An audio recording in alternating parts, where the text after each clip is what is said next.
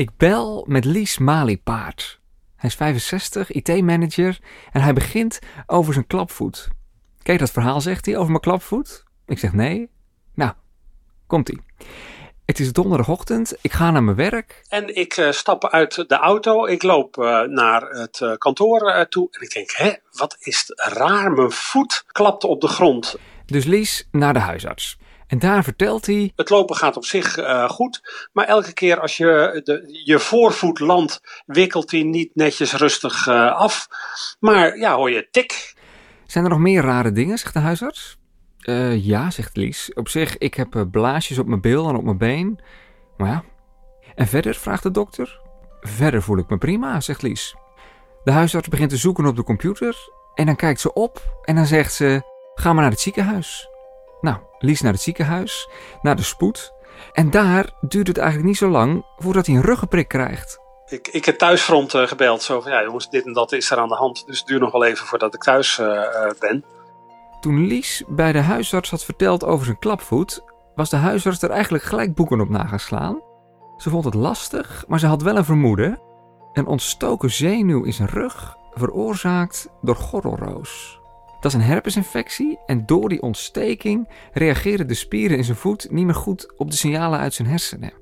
In het ziekenhuis doen ze gelijk onderzoek. Ja, goed, dat materiaal is naar het, met spoed naar het lab uh, gegaan. En een uur, anderhalf uur later had ik de uitslag uh, van ja, het was inderdaad een ontstoken zenuw. En daar moest direct actie op worden ondernomen. Lies krijgt te horen dat hij moet blijven, acht dagen lang, aan een infuus met virale middelen.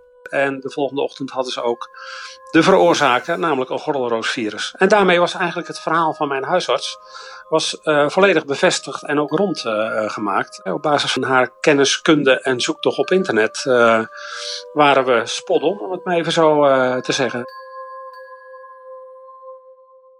Niet dat de huisarts zelf zo'n expert was in klapvoeten en gordelroos.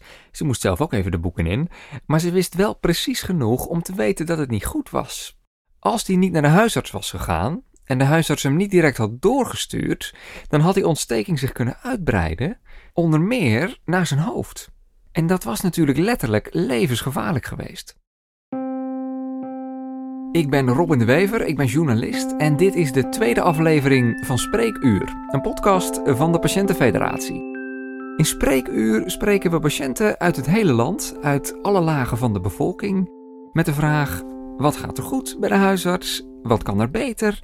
En vooral ook, hoe kunnen we die huisartsenzorg de komende decennia zo inrichten dat patiënten krijgen wat we nodig hebben? Nou, dat doen we dus aan de hand van verhalen van die patiënten. En we kijken ook vanaf de andere kant met twee levensechte huisartsen. Derkelien Valkman, die in twee praktijken werkt in de regio Deventer als waarnemer. En Hugo Hardeman, die heeft zijn eigen praktijk in de Betuwe. Het thema van deze aflevering, je voelde hem misschien al een beetje aankomen, doorverwijzen.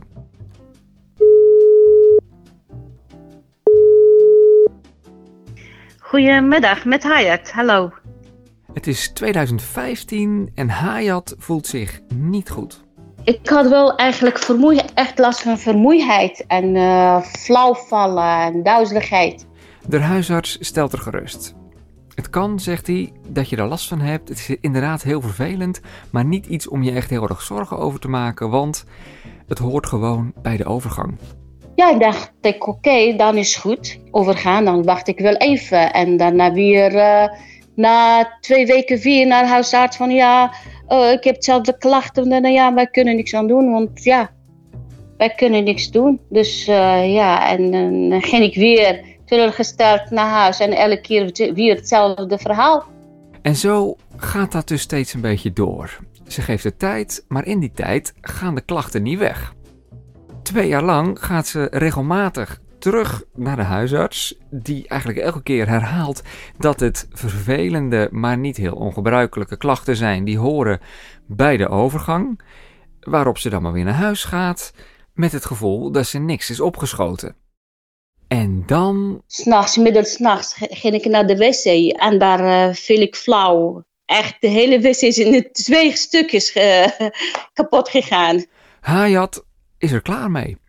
Dus ze gaat terug naar de huisarts en ze zegt, zo kan het niet langer. Dus heeft hij mij naar de uh, neuroloog gestuurd. ging ik voor de scannen en ging ik voor de uitslag gaan kijken. Ja, ik, stond, ik had de kauwgom in mijn mond. En op een gegeven moment zegt mevrouw, kom maar even zitten.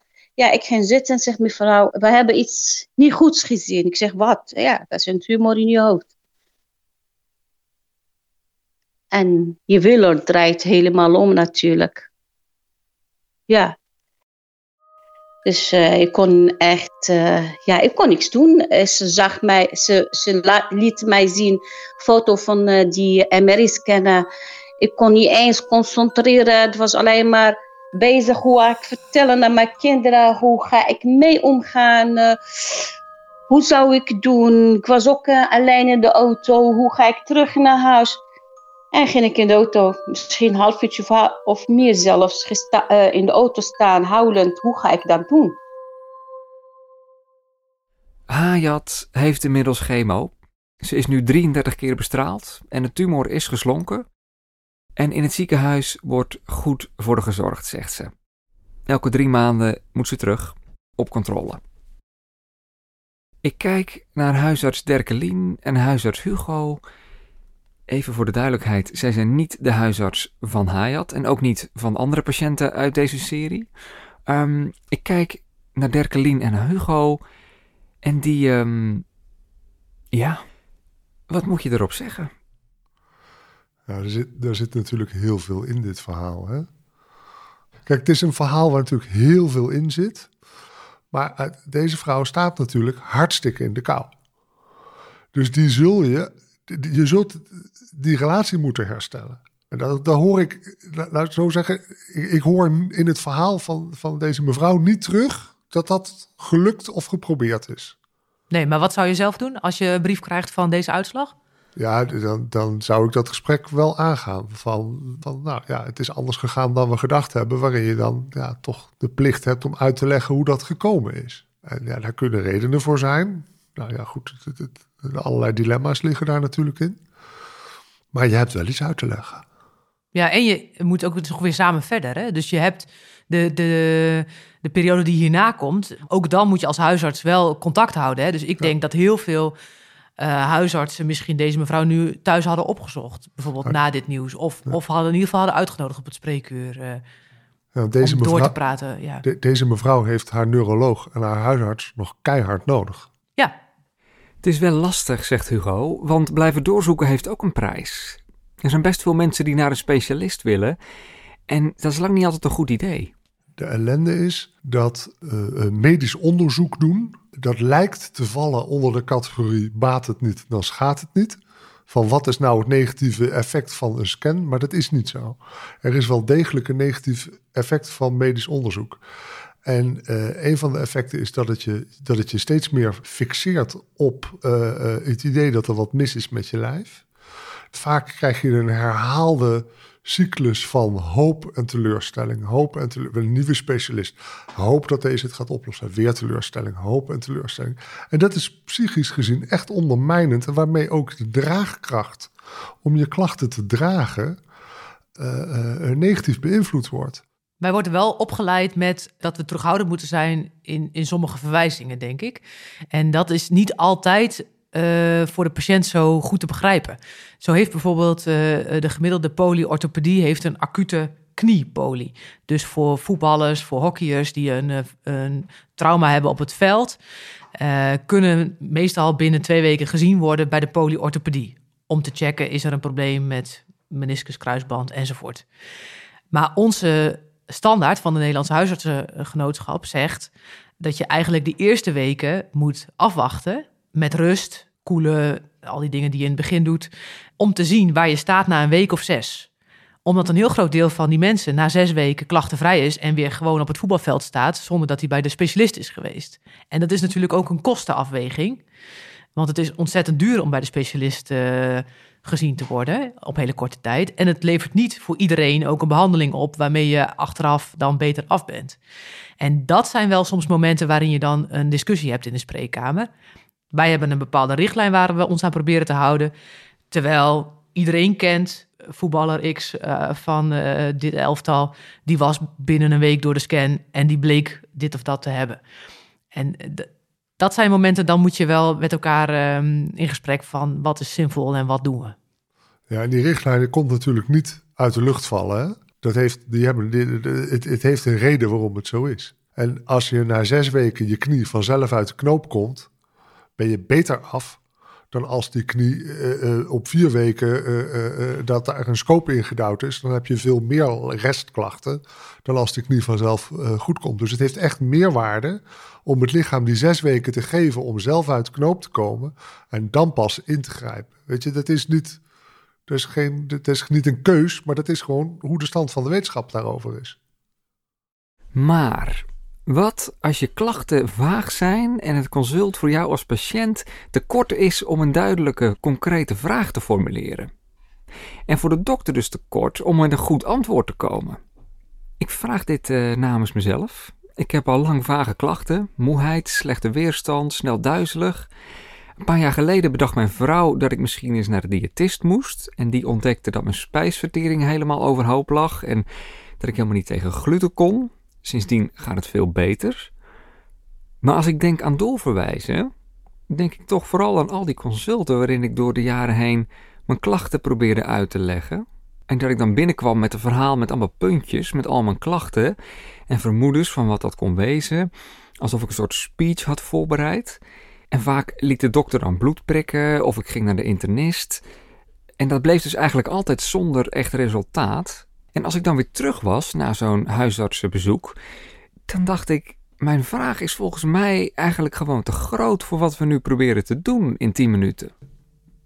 Heb je dat ook benoemd? Nee. Ja, dat had misschien geholpen. Ja. ja. Dat had, dat had het, ik de huisarts. Kan. Ja, dat, dat, zeker. Ja. Je alles zeggen tegen de huisarts. Als ik, als ik, als ik tips, tips aan patiënten moet, zou, zou moeten geven om, om het contact met je huisarts te verbeteren, dan zijn dat er eigenlijk nou, in ieder geval twee springen er nu in mijn hoofd.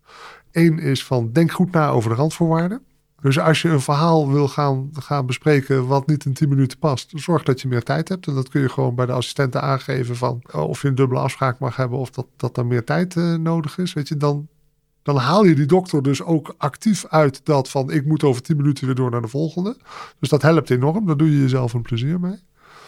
En de tweede tip die ik zou willen geven is van um, als je je zorgen maakt over een klacht, bespreek dat dan. En in mijn ervaring vinden patiënten dat soms lastig. En dan gebeurt er, wat er dan gebeurt, is dat eigenlijk de zorg wordt vertaald in een soort oppoetsen van de ernst. Waarbij dus, eh, laten we zeggen, er ergens in het lijf pijn is waarbij zorg bestaat. Dan wordt er niet gezegd van ik heb hier pijn en ik maak me zorgen. Maar dan wordt het eigenlijk hervertaald naar van die pijn is heel erg. Terwijl als een patiënt tegen mij zegt van pijn valt eigenlijk wel mee, maar ik maak me er zorgen over, dan krijg je veel beter consult. Want dan ga ik je uitleggen of die zorg terecht is of niet terecht is. Maar dan neem ik je daarin mee. En nou ja, weet je, als we het samen gaan bespreken, nou, dan, dan, komen we er, dan komen we er eigenlijk altijd samen uit. Want ik kan het je uitleggen wanneer het niet ernstig is. Hmm. En dan ga je gerustgesteld naar huis. Of het blijkt wel ernstig en dan gaan we het aanpakken. Dat kan natuurlijk ook. Maar er zijn ook in een consult, of eigenlijk in consulten die elkaar opvolgen, ook heel veel dingen onuitgesproken. Hè? Want wat jij noemt als voorbeeld is ook, ik eh, heb dus al een speech voorbereid, hè? Dus dat, maar dat heb je niet gezegd. Je, je hebt dat, die speech gewoon gedaan waarschijnlijk tijdens nou, dat ik haal mijn telefoon tevoorschijn. Ja, ja en dan kom je met je lijstje. Met, met puntjes, ja, ja. Maar als je vervolgens een paar weken later of een paar maanden later weer een consult hebt waar je eigenlijk ontevreden over bent, of en een derde keer nog een keer, op een gegeven moment krijg je dan waarschijnlijk als patiënt, maar ook als huisarts het gevoel, er loopt iets niet lekker. We, gaan, uh, we komen niet tot een, uh, tot een fijne samenwerking of tot een, tot een oplossing. Dus dan is eigenlijk de kunst om dan dat te gaan bespreken en te zeggen van nou, wat, wat, wat gebeurt er nou eigenlijk? Hè? Hoe, hoe vind jij dat het gaat? En, uh, dat, zou, dat zijn eigenlijk de pareltjes. Als dat lukt om dat te bespreken en erachter te komen van nou, wat vind jij nou eigenlijk niet fijn aan hoe dit loopt? En, en wat kan ik voor je doen? Of wat, hoe zou het anders kunnen? Dan denk ik wel dat je tot een diepere laag was gekomen misschien. Ik vind het heel interessant. En ik zit nu te denken, waarom, waarom ben ik daar niet opgekomen? Of waarom ehm, doe ik dat dan niet? Nou, de vraag is niet of dat bij jou ligt. Hè. Het is misschien ook wel niet jouw verantwoordelijkheid. Uh, nou, precies. Ja. Ik ben eigenlijk wel benieuwd. Uh, vragen jullie wel eens af, is het systeem niet ook een beetje... Werpt dat niet barrières op voor mensen? Want ehm, je moet een afspraak maken bij de assistent. En, en, kennelijk heb ik me dus nooit gerealiseerd dat ik een laag dieper kan. Ja. Ja, als het systeem heel erg voelt van ik moet in 10 minuten uh, tot een uh, oplossing komen, dat is denk ik niet per se het goede signaal. En ik denk ook niet dat iedere uh, vraag, iedere hulpvraag van een patiënt in een 10 minuten consult kan. En daarom doen wij ook, denk ik, dingen buiten die spreekuren. Hè. We doen ook die visites bij mensen ja. thuis en we doen ook nog gesprekken met de overleg met de thuiszorg en familie en dat soort dingen. Kun je voorstellen dat je dat, dat, een, dat een patiënt eigenlijk wel klachten heeft die inderdaad een bezoek aan een specialist rechtvaardigen, maar dat het in 10 minuten niet uit de verf kan komen? En de patiënt heeft duidelijk gevraagd: ik wil graag verwezen worden naar? Ja, ja. En je hebt gewoon zes minuten om dat te bespreken. Hè, met, met alle marges van binnenkomen, et cetera, eraf. Zes minuten om dat te bespreken. En het is eigenlijk is niet helemaal goed overgekomen. En we gaan ook uit elkaar, terwijl de patiënt heeft dus geen verwijzing gekregen. Precies. En die is dus ontevreden. Ja, maar ja, de dokter heeft gesproken. Ik kan me voorstellen dat je dan een vervolgafspraak maakt. Want dan, dan heb je dus. Je hebt geen consensus bereikt gedurende het consult. Nou, dat vraag ik mij dus af, want ik maak nooit een vervolgafspraak. Als in, ja, het is een beetje als naar de rechter gaan natuurlijk. Je, je vraagt om een oordeel, je krijgt het oordeel. En ja, weet je, eh, je kunt een hoger beroep gaan, maar dat is wel heel, dat is wel heel drastisch. ik denk dat dat een soort van schroom is die veel patiënten wel hebben. Ik herken het wel. En ik vind het, ik vind het, een, van eh, ik vind het een ingewikkelde valkuil. Omdat je uh, inderdaad, nou ja, goed, na die zes minuten vel je een oordeel. En dat doe je op basis van wat je in die zes minuten boven tafel hebt gekregen. Uh, de kunst is om in dat oordeel zoveel ruimte te bieden. dat de, patiënt de gelegenheid heeft om aan te kunnen geven van sorry dokter, maar dit is toch niet helemaal een passende oplossing voor mij hetzelfde dilemma komt voor op het moment dat ik tegen een patiënt zeg van nou, uh, je hebt hier probleem X, hier heb ik oplossing Y. Kom over twee weken nog maar even vertellen hoe dat, uh, hoe dat gegaan is. En stel je voor dat dat nou hartstikke niet goed gaat. En de patiënt, en ik heb het echt wel meegemaakt dat, de, dat ik de patiënt al na twee weken terugzie, dat ik me dan het lablazeren schrik. Dat ik hoor hoe het gegaan is en dat ik dan denk van ja, maar waarom ben je dan naar twee dagen niet teruggekomen. En dat de patiënt al zegt van ja, je zei dat ik over twee weken terug moest komen. Nadat me dat overkomen is, probeer ik daar expliciet bij te zeggen van nou, als het nou helemaal niet lukt, kom dan eerder terug. Dat je die termijn relativeert en dat je zegt van nou, weet je, die twee weken, dat is ook maar een slag in de lucht, want dat is ook maar een slag in de lucht. Merk je nou, het gaat voor geen meter, kom dan eerder terug. Weet je, dan hou je, dan blijf je die patiënt ruimte bieden om te zeggen van dat het geen passende oplossing is. Of dat het beloop zodanig is dat hij toch eerder terug moet komen. Dat is denk ik hetzelfde als wat je bedoelt. Hè? Van met die termijn dat je eigenlijk een te, te, te stellig in je oordeel bent. Of dat je oordeel een te stellig karakter krijgt. Waardoor eigenlijk de dynamiek er een stukje uit doodgeslagen wordt. In dit, in ja, dat is, dat is heel lastig. Ja. Ik denk ook wel dat de gemiddelde dokter aanvoelt dat hij een 10 minuten consult heeft afgeraffeld zonder dat hij tot de essentie is gekomen. Als je dat zou vragen, dan zou de gemiddelde dokter dat wel weten. Dit was een consult waarbij we ook de diepere laag hebben bereikt, of niet.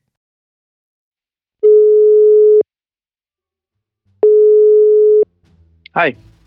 Patiënt Steven. Steven is 17 als hij tijdens het voetballen zijn enkel verkeerd neerzet. Die enkel zwelt enorm op. Hij kijkt de twee dagen aan, constateert dan dat hij nauwelijks nog kan lopen en dan gaat hij naar de huisarts. En nou ja, ze schrok eigenlijk heel erg. Uh, en ze was van, uh, nou, vrees dat er iets gebroken is. Of, uh, dus ik wil graag dat je naar het ziekenhuis gaat om een foto te laten maken. Nou, dat, dat deed ik. Met taxi naar het ziekenhuis, foto laten maken. Nou, toen gaf ze eigenlijk aan van ja, ik heb het gezien, de uitslagen. Dus inderdaad volgens deze foto's geen breuk te zien. Maar ik heb werkelijk nog nooit zo'n grote zwelling gezien. Ja, ik zou graag willen dat je weer naar het ziekenhuis gaat en nog meer foto's laat maken.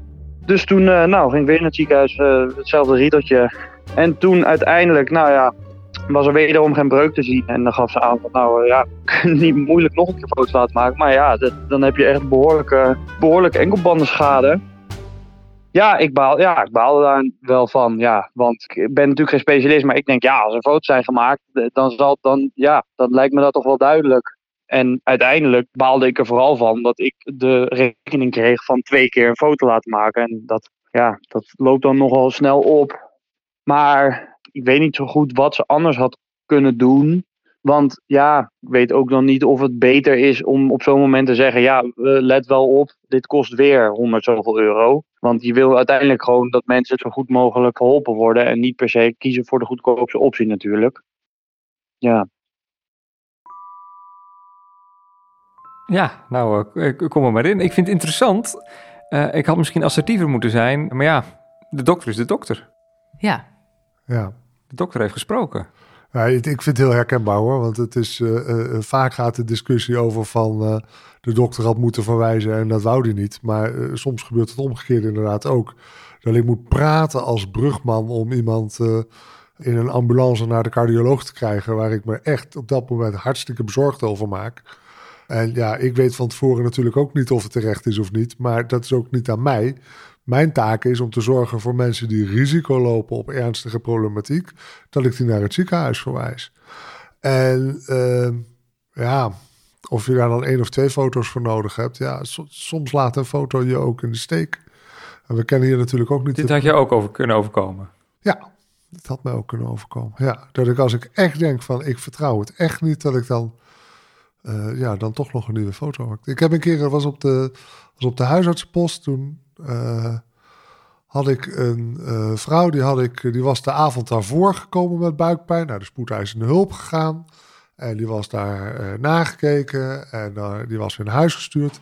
En die zat de avond daar, daarna weer bij mij. En toen vertrouwde ik het weer niet. Toen heb ik er weer naar de spoedeisende gestuurd. En toen stond er een briesende chirurg op de, af, op de spoedeisende hulp. Van wie die huisarts was die deze mevrouw alweer ingestuurd had. Nou, daar heb ik even mee gesproken. En die, die chirurg is dan heel boos op je. Maar die is dan wel boos op je nadat hij een heleboel extra onderzoek heeft gedaan.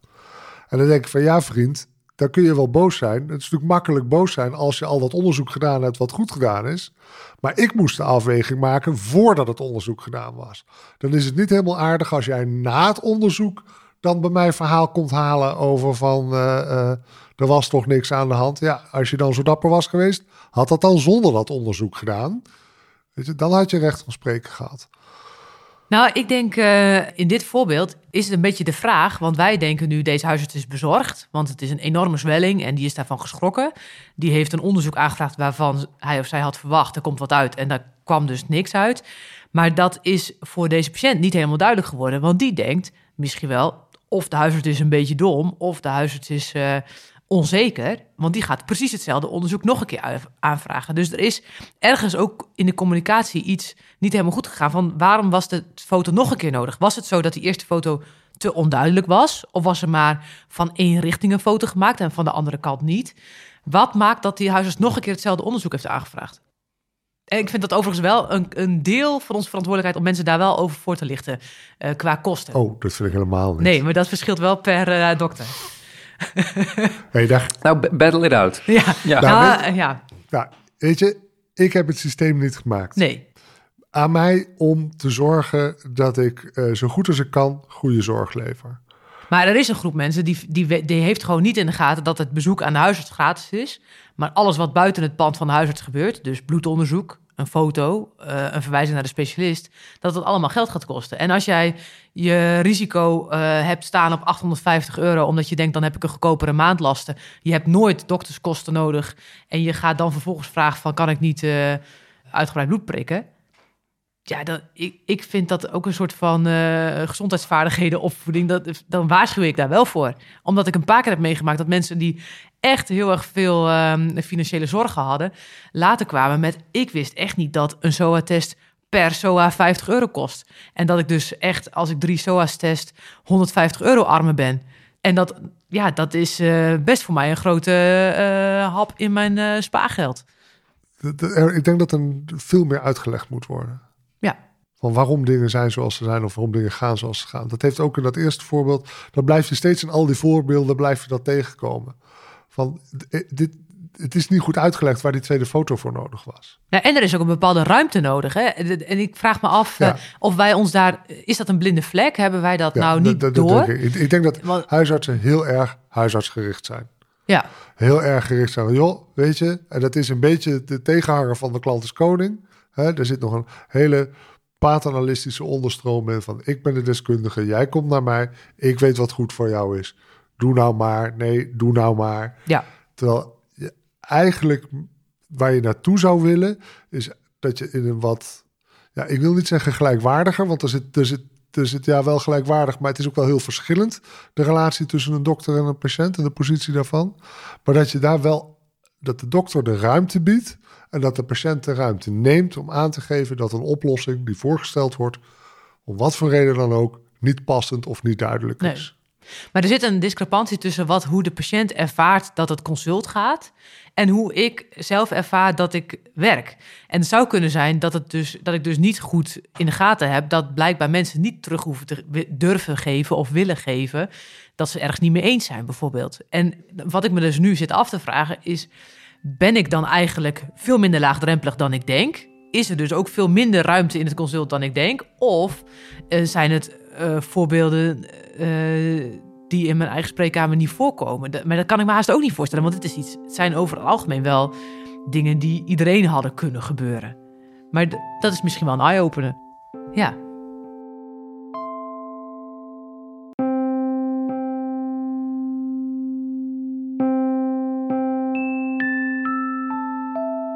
Dit was Spreekuur. Leuk dat u heeft geluisterd. Meer info over dit project en de credits voor de muziek van deze podcast vindt u op spreekuur.patiëntenfederatie.nl. En eh, extra leuk, daar kunt u ook allerlei andere verhalen van patiënten teruglezen. In de volgende aflevering gaan we het hebben over de toekomst van de huisarts. Zitten we straks vooral te videobellen? Wat vinden we als patiënten straks belangrijk? Tot de volgende.